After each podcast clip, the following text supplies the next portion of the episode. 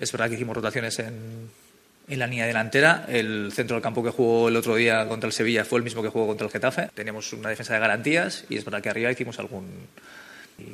Y, y mañana, desde luego, es un partido de liga y sí, no tengo reparos en decir que la liga es una prioridad para nosotros.